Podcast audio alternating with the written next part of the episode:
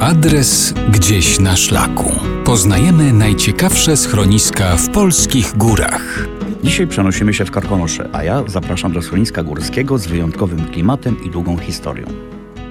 Dla odwiedzających Karpacz wizyta w schronisku Samotnia to wręcz obowiązek. Pierwsza budowla nad Małym Stawem stanęła zapewne jeszcze przed 1670 rokiem, gdy w całych Karkonoszach było ponad 2,5 tysiąca bud pasterskich. W 1891 roku Henryk Richter z Miłkowa w miejscu obecnego schroniska rozbudowuje istniejący wówczas obiekt i urządza dwie sale noclegowe na poddaszu. Z tego okresu pochodzi symbol samotni, wieżyczka i odlany w Jeleniej Górze dzwon sygnaturka, który do dzisiaj możemy obserwować. Wówczas budynek zmienił swoją funkcję z hodowlanej na usługową.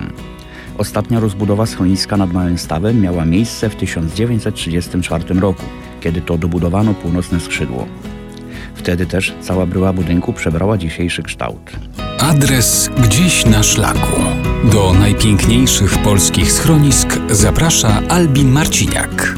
W 1966 roku kierownikiem samotni został Waldemar Siemaszko, stając się dobrym duchem i prawdziwą legendą tego miejsca.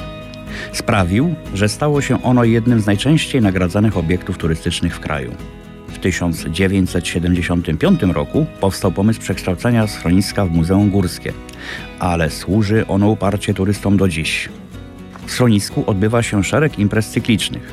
W styczniu Górska Wielka Orkiestra Świątecznej Pomocy. W marcu z kolei Memoriał Waldemara Siemaszki, czyli zawody skiturowe należące do Pucharu Polski. W kwietniu Puchar Samotni, zawody w narciarstwie alpejskim i snowboardzie, rozgrywane w żlebie slalomowym nad Samotnią. We wrześniu natomiast Lawina, międzynarodowy marszobieg ze Śnieżki do Samotni, w którym biorą udział najwięksi polscy himalaiści. Spotkać tu można Piotra Pustelnika, Aleksandra Lwowa, czy nawet Anię Czerwińską, której zabytkowe narty wiszą w przedsionku schroniska. Samotnia to nie tylko schronisko, samotnia to legenda.